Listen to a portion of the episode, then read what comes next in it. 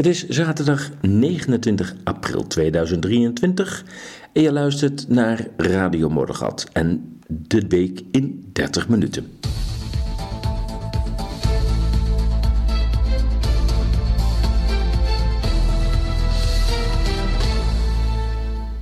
Ja, tegen de verwachtingen in ehm, zit ik toch nog in Berlijn. Dus er komt deze tweede uitzending van Radio Moddergat toch nog uit de Duitse hoofdstad. Misschien hoort het een beetje aan de akoestiek, ehm, maar hoe dan ook, uh, volgens mij ben ik uitstekend te verstaan.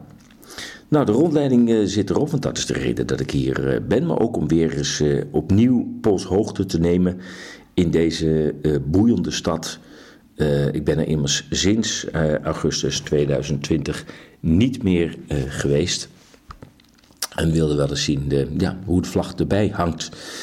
Nou ja, als het gaat om de rondleiding, die is uh, meer dan geslaagd. De rondleiding gaat uh, over zeg maar, de politieke verhouding tussen Washington, Moskou en Berlijn. Dat klinkt heel erg saai, maar dat is het niet, want dat laat ik aan de hand van ja, plekken, um, gebouwen uh, en verhalen, laat ik dat tot leven komen. En ik moet zeggen, de reacties van de deelnemers waren ook meer dan positief. Ik durf dat gerust te zeggen. Goed, in deze uitzending verder nog. Ehm, de democratie is die op zijn retour. Ehm, ik blik nog even terug naar augustus 2020, toen er honderdduizenden complotdenkers, tussen aanhalingstekens, in Berlijn aan het protesteren waren tegen de coronamaatregelen. De VN die normaliseert seks tussen volwassenen en kinderen. Um, moet ik er wel bij zeggen, uiteraard. En het laatste onderwerp is, gaat over Oekraïne. De leegloop van het land breekt haar levensvatbaarheid als onafhankelijke staat. Goed, de democratie is op zijn retour. Dat is geen vraagteken meer. Het is een uitroepteken. En bij weinigen kan dit wat schelen, als de mediamarkt maar open blijft. Wie kritiek heeft op de Nederlandse overheid is nu anti-overheidsterrorist en krijgt een van de uitdijende Nederlandse veiligheidsdiensten achter zich aan. Rechtszaken tegen de staat zijn zinloos. U verliest het altijd. Uw baan is bij, de, bij overheidskritiek in gevaar. Een beroep op de grondwet is kansloos. Wetten kunnen ongrondwettelijk zijn, want er is toch geen toets aan de grondwet. Geen rechter mag een wet aan de grondwet toetsen. De burger wordt voorgelogen, in de kou gezet, een zinloze oorlog ingetrokken, van miljarden belastinggeld beroofd voor wapenaankopen. En gewoon je bek houden, zei onze premier. Bereid u voor op minder democratie en meer staatscensuur en repressie. De DDR laat groeten. Je kunt spreken van een aanval op de burgersamenleving die nu gaande is en waarvan je kunt zeggen: Nou, de start was in 2020, in maart om precies te zijn. Sommigen zeggen nou, je kunt misschien 9-11 wel als eerste vertrekpunt nemen. Ik denk dat dat ook zo gezegd kan worden. Maar je kunt absoluut stellen dat uh, sinds maart 2020, uh, eh, toen het virus uh, kwam, echt in verschillende, nou in heel veel westerse landen gas is gegeven als het gaat over de, de, de, de afbouw uh, in ieder geval de vermindering, laat ik niet overdrijven, maar goed, een sterke vermindering van burgerrechten en democratische rechten. Door de overheid opgelegde censuur, de eenheidsmedia, voortdurende schendingen van de grondwet, partijdige rechters, hetze tegen andersdenkenden, mogelijk verbod onwelgevallige politieke partijen of omroepen en tot overmaat van ramp een wet die onder het mom van een gezondheidswet een permanente staat van beleg mogelijk maakt. De Nederlandse staat heeft veel burgers tot haar vijand gemaakt, door hun belangen stelselmatig te schaden. De staat kan nu nog maar één kant op om haar doorgeschoten agenda van ondoordachte immigratie, doorgeschoten genderpolitiek, klimaatpaniek, de opgejaagde angst voor een virus, de onteigening van de boeren, de dehumanisering door de transhumanistische dwaalideologie, meer politiegeweld tegen onschuldige burgers, meer censuur en meer repressie. Het is een kleine, maar zeker niet volledige opsomming van de ontwikkelingen die sinds maart 2020 in een stroomversnelling zijn gekomen. Wie sinds de komst van het virus kritiek heeft op de Nederlandse regering of staat, heeft een probleem. Eigenlijk meerdere problemen. Hem of haar wordt de mond gesnoerd. Tot complotdenker, antisemiet of fascist verklaard. Het kan de criticus zijn of haar baan kosten. Nou, de rechter stappen heeft in het nieuwe normaal, want zo heet dat kablijkelijk, geen zin. In de afgelopen drie jaar heeft de Nederlandse staat geen enkele aanklacht bij de rechter verloren. Waar hij dreigde, bijvoorbeeld bij de ongrondwettelijke avondklok, greep zij direct in. Een inmenging in de rechtsgang naar Noord-Koreaans model. Wie denkt politiek nog wat te kunnen, dreigt uitsluiting of een verbod. Referenda werden net op tijd voor het COVID-project afgeschaft en tot overmaat van kan in Nederland geen wet aan de grondwet worden getoetst. Media worden gecensureerd en als de overheid zich zo tegen de burger keert, dan weet u hoe laat het is. De overheid is veranderd in een regime. Het lijkt onwaarschijnlijk, maar het blijkt dat onze democratie over zijn uiterste houdbaarheidsdatum heen is. Het stelsel rechten en plichten, zoals het vrije woord, blijkt niet zo solide als we de afgelopen decennia, decennia zijn gaan geloven. Democratisch gekozen leiders kunnen zich geleidelijk in arrogante van het volk losgezongen potentaten veranderen. Gewoon je bek houden, zei Rutte. Blijkt nu ook letterlijk genomen te moeten worden. Het referendum werd tijdig voor de start van het nieuwe normaal afgeschaft. In de recente toespraak van uh, Tweede Kamerlid Pieter Omtzigt in het kader van de Torbekkenlezing luidt hij de noodklok over de stand van de democratie. De coronaperiode lijkt aangegrepen te zijn om te oefenen in het oprekken van de macht. Omzicht, citaat.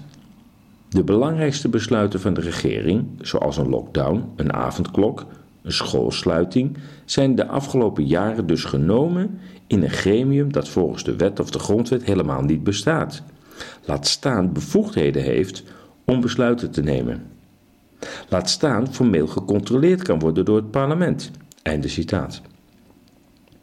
Astronomische uitgaven worden gedaan zonder het parlement om toestemming te vragen. Inmiddels zijn miljarden op diverse ministeries zoek en ook de rekenkamer kan grote delen van de begroting niet meer traceren. Door het gesloten front van coalitiepartijen kan het kabinet, lees politbureau, regeren bij volmacht. Het leidt tot uitwassen in een politiek die de Nederlandse belangen beschadigen. In feite is ook hier sprake van een vergelijkbare situatie met de toenmalige DDR, de Duitse Democratische Republiek. Ook daar bestonden formeel verschillende politieke partijen, maar werkten samen als een blokpartij en daarmee een gesloten geheel dat naar de pijpen danste van de politieke macht. Net zoals Oost-Berlijn de oekases uit Moskou moest uitvoeren, moet het Nederlandse politbureau die uit Washington in praktijk brengen. Dat heeft ons in een onzinnige en voor Europa zeer schadelijke oorlog met Rusland gebracht. Bij het uitvoeren van opdrachten uit Washington en Brussel, en Brussel bestaat er uit twee delen, NAVO en de EU, de Europese Unie, is een parlement en zeker een referendum lastig. Via wettelijke trucjes, verzwijgen, misleiding, geitenpaadjes en vertraging wordt het parlement buitenspel gezet. Ik citeer nog even Omtzigt. Ik zou een aparte lezing kunnen geven over stukken die voor het parlement en de samenleving zijn achtergehouden onder de meest bizarre voorwenselen en misschien doe ik dat nog wel een keer. Stukken worden achtergehouden en stukken worden zelden binnen de termijn aangeleverd. Zelfs de meest eenvoudige WOB-verzoeken, WOP-verzoeken, nu heet dat WOO, kosten gemiddeld 111 dagen in plaats van de wettelijke termijn van 21 dagen. Einde citaat. Terwijl de nieuwe omroep Ongehoord Nederland de derde tonnenhoge boeting heeft geïncasseerd wegens het overschrijden van de journalistieke code wordt gesteld door de NOS, moeten we constateren dat de lagere schooljournalistiek, waarbij journalistiek verward wordt met het overtikken van overheidsberichten, blijkelijk vrij spel heeft. De mediale angstcampagne, gebaseerd op een gebrek aan kennis bij vaak onervaren journalisten tussen aanhalingstekens en op aantoonbare leugens en ook aantoonbare leugens blijven ongestraft. Zij blijken dus wel te voldoen aan de journalistieke code. Nou, verder verwijs ik graag naar uh, het artikel over dit onderwerp. Daarin uh, som ik een, uh, een, een, groot aantal punten op uh, die een antwoord moeten geven op de vraag: kun je spreken van een machtsgreep? Nou, en er staan een aantal punten waarvan je zelf kunt bepalen: hebben we hier in Nederland nu met een machtsgreep te maken, en misschien wel in de hele westerse wereld, of overdrijven we een beetje? Nou, dat in dat artikel. Ja, nou even op de, het verhaal van uh, Ongehoord Nederland uh, terugkomend. De NPO, ik zei uh, NOS, vergooi die twee altijd door elkaar, vraagt het ministerie OCMW voorlopige erkenning van on in te trekken. En daarvan zegt in een persbericht op de website van de NPO pers.npo.nl de Raad van Bestuur ziet geen andere mogelijkheid meer na drie sancties. Ik moet je zeggen, ik ben er aan de ene kant van geschrokken en aan de andere kant maakt het me ook kwaad. Het is onvoorstelbaar dat een omroep die eh, een ander geluid laat horen, dat die zo te grazen wordt genomen. Want ik kan het niet anders noemen. Ik heb zelf een aantal uitzendingen bekeken. Uh, misschien drie of vier, maar wel helemaal bekeken. En ik snap werkelijk niet waarom deze omroep zo wordt gebashed. Want dat zou je zo best wel kunnen noemen. Het, het duidt erop dat we in een tijd leven van extreme intolerantie. Want het geluid van Ongehoord Nederland zou in de 70 en 80 jaren geen enkele rimpel in de vijver hebben veroorzaakt. Er was toen een, sowieso een breed meningenspectrum. Je had, je verschillende omroepen uh, uh, tenslotte. En die waren in zuilen opgedeeld. En dat gold ook voor de geschreven pers. En die hadden ook, hè, Volkskrant, had je natuurlijk, uh, uh, wat had je nog meer, Algemeen Dagblad, maar ook nog een krant, Nieuws van de Dag. het Parool, Trouw, en die hadden allemaal een eigen kleur en die waren altijd wel een beetje gelieerd aan een van de van de publieke omroepen. En dan had je ook vakbonden die uh, uh, zeg maar weer bij die omroepen konden worden aangekoppeld. En natuurlijk de verschillende kerkgenootschappen, de verschillende religieuze stromingen. Uh, dat werd destijds als een heel star systeem gezien. Maar de positieve kant is dat het betekende dat elke stroming met een hele eigen kijk op de samenleving allemaal zijn eigen zuil had. En ja, door een ander werd gedoogd, dan wel gerespecteerd. Want als jij die andere zaal niet respecteerde, zal die andere zaal jou ook niet respecteren. Dus het was een soort wederzijds uh, uh, respect en elkaar met rust laten. En al die verschillende meningen gewoon in de publieke omroep een plaats geven. Nou, dat is nu totaal voorbij. Het is allemaal één grijze massa geworden. Uh, met allemaal dezelfde thema's, met allemaal dezelfde meningen. Het is ja, toch langzamerhand wel een beetje een DDR-staatsomroep aan het worden. Uh, weliswaar nog met allemaal verschillende logo's, maar het verhaal is overal hetzelfde. Ik lees even, lees even voor uh, van de website van de, uh, de NPO.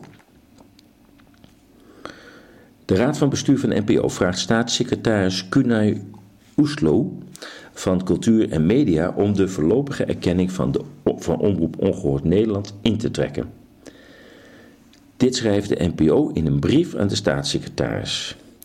Ondanks de drie opgelegde sancties, onder meer wegens stelselmatig overtreden van de journalistieke code NPO, blijkbaar is er ook nog een journalistieke code NPO, eh, in plaats van gewoon een algemene journalistieke code, de code van Bordeaux, uh, geeft um, ongehoord Nederland nog steeds onvoldoende uitvoering aan de bereidheid tot samenwerken binnen de, het publieke omroepbestel. Met andere woorden, ze kiezen blijkbaar hun eigen spoor. Daardoor kan de NPO niet meer volledig aan haar wettelijke taak voldoen. Ik weet niet waar ze nou precies op duiden. Welke samenwerking door ongehoord Nederland wordt geweigerd. De NPO ziet nu geen enkele andere mogelijkheid meer dan over te gaan tot het uiterste middel dat de wetgever de NPO heeft toegekend. Een verzoek aan de staatssecretaris van Cultuur en Media om de voorlopige erkenning in te trekken. En ze gaat nog verder.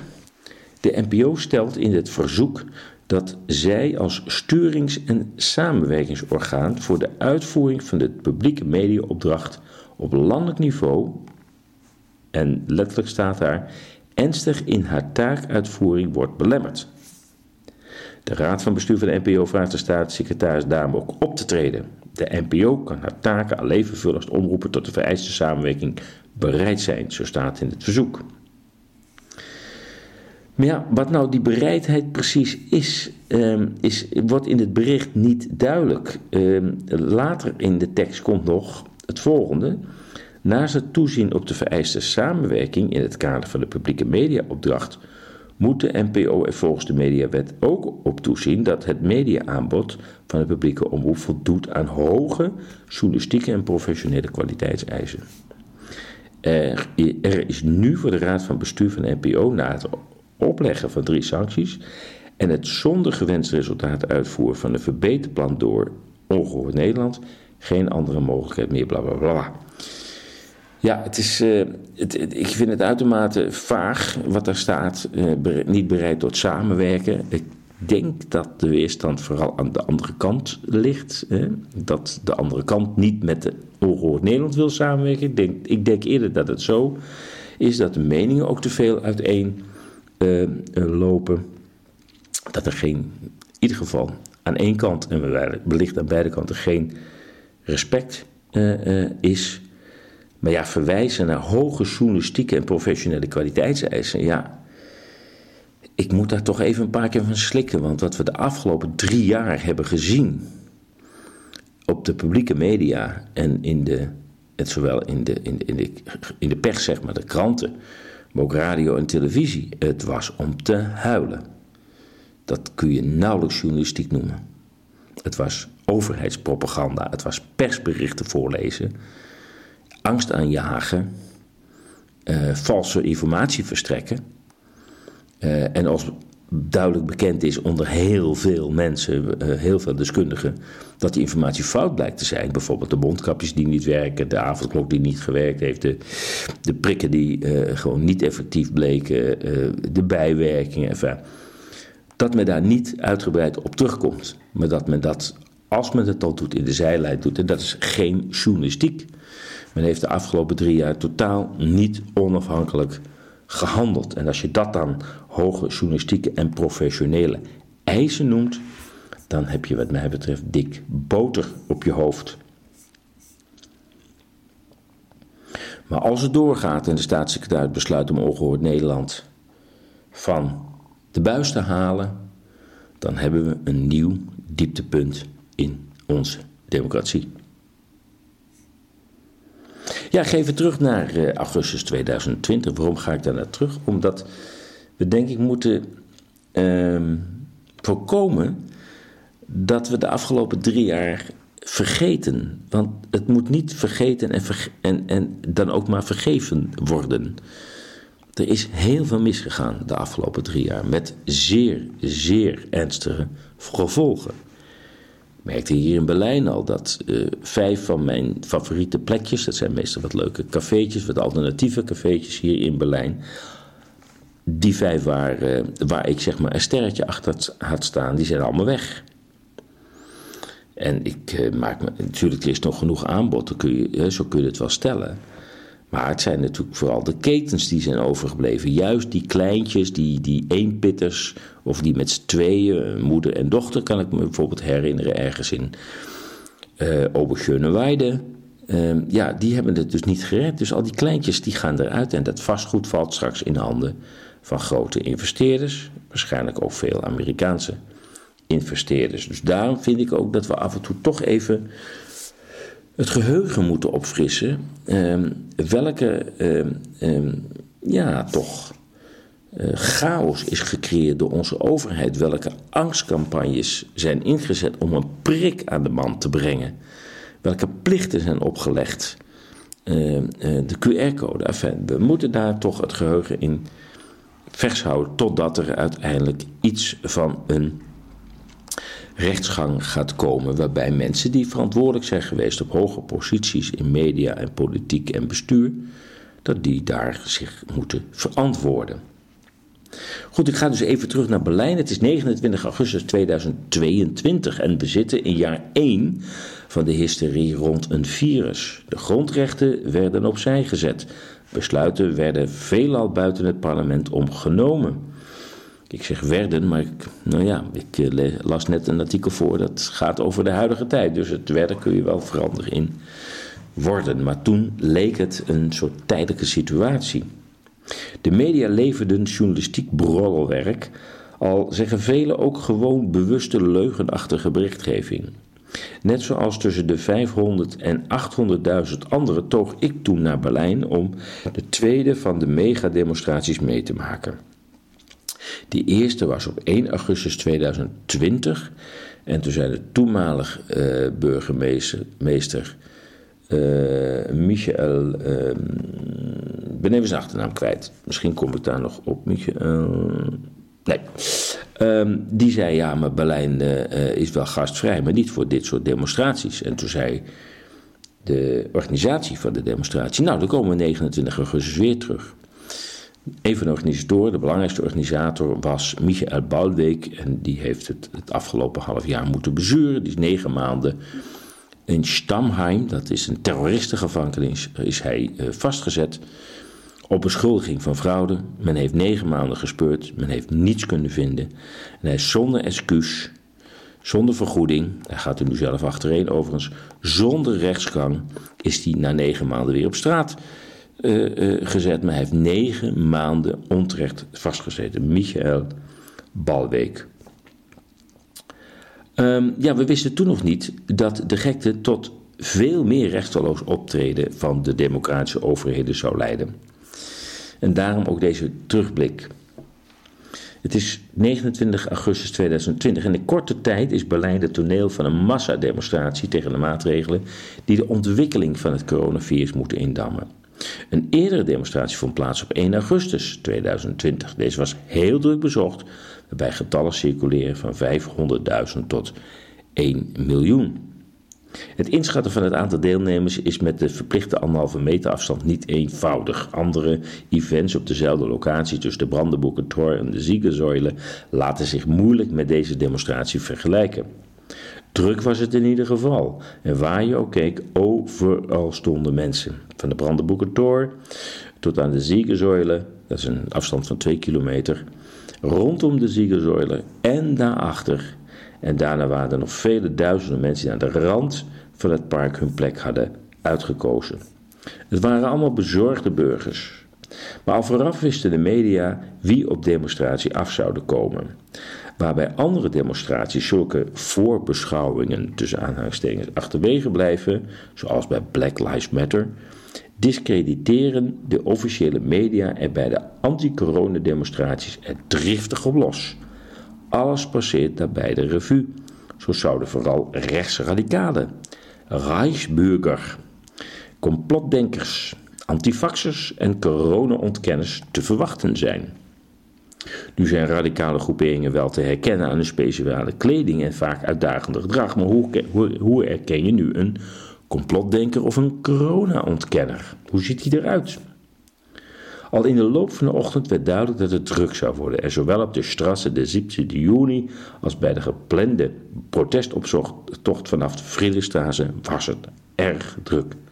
Op de hoofdlocatie, dat was tussen de Brandenburger Tor en de Ziegersäule, uh, op de hoofdlocatie loopt vanuit mijn waarneming alles op rolletjes. Het publiek is uiterst divers veel van wat je zou kunnen beschouwen als een doorsnee van de Duitse bevolking, alle leeftijden, alleen of met gezin, of ze links of rechts denken of dwars, queerdenken, hm, ehm, is niet te beoordelen. Enkele niet definieerbare vlaggen met een handvol radicaal geklede personen tussen aanhalingstekens moeten klaarblijkelijk de representanten van die radicale onderbuik van Duitsland zijn. Een journalist met cameraman van de publieke omroep, of ehm, ehm, van RTL, die loopt tussen het publiek door. En op de camera de stickers van RTL, maar zijn pogingen tot interview roept afkeuringen, uh, afkeurende reacties op van de deelnemers. Die willen dus deze, dit medium, dit kanaal niet te woord staan. In de Friedrichstraße loopt het duidelijk anders. Daar, de daar gereedstaande optocht wordt door de politie geblokkeerd en verboden. Een ultieme poging van een van de advocaten van de organisatie om de beslissing ter plekke aan te vechten loopt op niets uit. De politie blijft bij zijn mogelijk van hoge hand ingegeven besluit om de demonstratie te ontbinden. Nou, ik zal je de details besparen. Het is de lulligheid ten top hoe ze dat hebben gedaan. Uh, ik begrijp ook dat zelfs de Berlijnse politie, die als eerste linie tegenover die groep demonstranten, grote optocht van demonstranten stond, uiteindelijk werd ingesloten door een wat, nou ja, wat radicalere groep uit Noord-Rijn-Westfalen, een radicalere politie-eenheid uit Noord-Rijn-Westfalen. Dus die sloot ook de Berlijnse politie-eenheid in, zodat er geen beweging meer in kwam. Nou ja, beide onderdelen, zowel de vaste demonstratie bij de Brandenburger als de wandelende demonstratie op de Friedrichstraße waren aanvankelijk verboden door de Berlijnse senator Andreas Geisel, die is er nu niet meer. Voor beide onderdelen spanden de advocaten voor korte procedure aan, zowel voor de demonstratie op de Straße de 17 juli als de protesttocht mocht uiteindelijk toch doorgang vinden. Helaas werd de gerechtelijke uitspraak dus voor de protestoptocht, wat ik net vertelde, alsnog gewoon terzijde geschoven en onmogelijk gemaakt. Nou, verder ehm, in het artikel ehm, kom ik nog even terug met een video. Ehm, met de toespraak van Robert F. Kennedy Jr., degene die zich nu presidentskandidaat wil gaan stellen in de Verenigde Staten. maar ook een video van, ik meen zijn oom eh, Robert F. Kennedy. maar de aanwezigheid en de toespraak van uh, Robert F. Kennedy Jr. werd door de media, de Duitse media, maar ook de Nederlandse media, totaal genegeerd. Alsof er geen Kennedy in Berlijn was geweest. Echt schandalig. Goed, ik zou zeggen meer in uh, dat artikel en daar wil ik je graag even naar verwijzen. Nog twee onderwerpen die ik even kort wil bespreken met je. De, de, de VN, de Verenigde Naties, die normaliseert seks tussen volwassenen en kinderen. Na de ophef in veel westerse landen over de seksualisering van jonge kinderen, mede door optredens van drag queens of televisieuitzendingen van de NTR, waarin kinderen naar piemels van oude volwassenen moeten kijken, eh, dan wel van, nou ja, omgebouwde, getransformeerde mensen die een ander geslacht hebben gekozen, lijkt ook de Verenigde Naties, lijkt ook de Verenigde Naties de normalisering van seks met kinderen te willen normaliseren. In een recent rapport wil zij de strafbaarheid ervan opheffen. Ik citeer uit dat rapport. Het Internationaal Comité van Juristen heeft samen met de Verenigde Naties, UNAIDS, en het Bureau van de Hoge Commissaris voor de Mensenrechten officieel een nieuwe reeks juridische beginselen van deskundigen gelanceerd. Um, dat staat, dat, ja, een rare zin eigenlijk, maar goed, het staat er.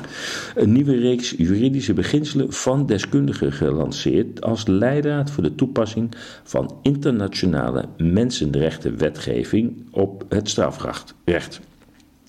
Dit zijn de zogenaamde 8 maart beginselen. Die beschrijven een op mensenrechten gebaseerde benadering van wetten die gedrag in verband met seks, drugsgebruik, HIV, seksuele en reproductieve gezondheid, dakloosheid en armoede strafbaar stellen.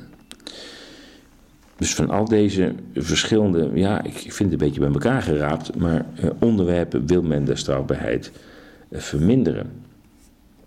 Men gebruikt daarvoor ook in het stuk de term overcriminalisering. Je zou denken dat in een tijd van steeds heftige vormen van overheidscensuur van het vrije woord de term inleiding is tot de verdediging van het grondrecht op vrije meningsuiting. Maar wie zoekt naar het onderwerp censuur of vrije meningsuiting in deze acht maatbeginselen in relatie tot mensenrechten, komt bedrogen uit. Daar wordt geen woord over gezegd. Wel uh, zegt de nota de, over seksueel gedrag dat er sprake kan zijn van consensueel seksueel gedrag. Wend er maar aan. Dat is dus seksueel gedrag waar consensus over is. Ongeacht het soort seksuele activiteit, het geslacht, de seksuele gerichtheid, de genderidentiteit of de genderexpressie van de betrokkenen of de huwelijkse staat mag in geen geval strafbaar worden gesteld. Consensuele seksuele betrekkingen van hetzelfde geslacht als mede consensuele seksuele betrekkingen van verschillend geslacht of consensuele seksuele betrekkingen met of tussen transpersonen, niet-binaire personen of andere personen van verschillend geslacht of buiten het huwelijk, voor het huwelijk of buiten het huwelijk, mogen de halve nood strafbaar worden gesteld. Maar ja, ga je verder in de tekst uh, uh, duiken, dan staat er nog Bovendien kan seksueel gedrag waarbij personen onder de in eigen land voorgeschreven minimumleeftijd voor instemming met seks betrokken zijn, in feite, zo niet in rechten, instemmend zijn. Dus ook al heb je een minimumleeftijd waarop seks is toegestaan, dan als het onder die leeftijd wordt geconstateerd in jouw land, dan kan er nog steeds sprake zijn dat er instemming bestaat en dat het dus niet strafbaar zou mogen zijn. In dit verband moet bij de handhaving van het strafrecht rekening worden gehouden met de rechten en capaciteiten van personen jonger dan 18 jaar om beslissingen te nemen over vrijwillig seksueel gedrag en hun recht om te worden gehoord in zaken die hen betreffen. Overeenkomstig hun zich ontwikkelende capaciteiten en geleidelijke autonomie moeten personen jonger dan 18 jaar deelnemen aan beslissingen die hen betreffen met in achtneming van hun leeftijd, rijpheid en belangen en met specifieke aandacht voor non-discriminatiegaranties. Het is allemaal een mooie tekst, maar het komt erop neer dat uh, seks met uh, jonge kinderen uh, ja, langzamerhand uit het strafrecht zal verdwijnen. En dat is mijns inziens een tamelijk slechte zaak. Goed, volgens mij zijn we al lang over het, uh, het half uur één, of zitten we rond het half uur. Ik wijs nog graag even op het artikel Leegloop breekt levensvatbaarheid Oekraïne als onafhankelijke staat. Heel kort even, we moeten denk ik erkennen dat ja, het voor de NAVO toch wel moeilijk is gebleken om een overwinning te behalen, hoe dat er ook moet uitzien. Ehm, het heeft heel veel mensen op de vlucht doen eh, slaan. Daarnaast eh, eh, heb ik het idee dat er ook nogal wat mensen lijken te zijn uitgenodigd. Veel mensen valt op dat de Oekraïners die in ieder geval in de straatbeeld zichtbaar zijn, dat, dat, dat, dat vooral natuurlijk diegenen zijn die nou ja, gewoon rondrijden, ergens een onderkomen hebben gevonden, maar in behoorlijke dure auto's rondrijden. Dat is een bepaalde groep Um, en het tweede valt op is dat, dat um, voor Oekraïners woningen worden gebouwd. En dat is nog nooit eerder voor andere vluchtelingen dan wel immigranten uh, gebeurd. Dus er is met die Oekraïners toch iets bijzonders aan de hand. Dat zijn daar blijkelijk gewenste immigranten en uh, vluchtelingen. Maar ondertussen wordt Oekraïne eigenlijk in menselijke arbeidscapaciteit helemaal leeggeroofd. Dat begon in 1991 toen het zichzelf onafhankelijk verklaarde. Je zou denken, dan wordt het land alleen maar aantrekkelijker, maar het werd helemaal niet aantrekkelijker. Het ging snel economisch bergafwaarts in 1991 en de jaren daarna. En het had te maken dat het niet meer de fabriek van Rusland was. Rusland zat zelf ook in de problemen. Um, maar daarmee had ze ook geen afzet voor haar producten. Die waren voor de westerse markt ook tamelijk verouderd. En zo zijn er naar schatting toen in die eerste tien jaar van onafhankelijkheid zo'n 5 miljoen mensen, 8 miljoen zeggen sommigen, uit Oekraïne weggegaan. Dat is al toen allemaal heel geleidelijk gegaan, dus niemand heeft er wat van gemerkt. Maar goed, door de oorlog ehm, eh, eh, zijn er nog veel meer mensen weggegaan. En van de 40 miljoen zijn er naar schatting nu nog 18 tot 22 miljoen Oekraïners in het land. Van vanaf de 40 miljoen. Dus ja, dat is bijna evenveel als, uh, als Nederland. Want Nederland zit ook al inmiddels op de, bijna op de 18 miljoen. En we staan hier te klappen voor Oekraïners en we hangen de vlag, uh, althans een aantal mensen hangt de vlag aan, aan de gevel. Maar ehm, ja, we moeten toch erkennen dat we Oekraïne gewoon helemaal aan het leeggeroven zijn. We nemen hun landbouwgebieden over, althans dat doen Amerikaanse investeerders. We hebben daar onze biocentrales, althans dat hebben de Amerikanen daar uh, de afgelopen jaren gebouwd. En ja, het land is helemaal kapot en dat zal worden opgebouwd met financiële hulp, zoals dat heet, van, van BlackRock. Ja, dat BlackRock zal daarmee eh, natuurlijk de eeuwige schuldeiser worden van Oekraïne. En daarmee is Oekraïne, of het nou formeel in de EU zit of niet, de facto gewoon financieel gekoppeld geraakt aan de Verenigde Staten. Ik zeg niet eens Europa, want wij zijn weer gekoppeld ook aan die Verenigde Staten. Uh, ik geloof dat wij wat dat betreft net zo ondergeschikt zijn geraakt in de afgelopen tijd aan de Verenigde Staten als Oekraïne dat zal worden.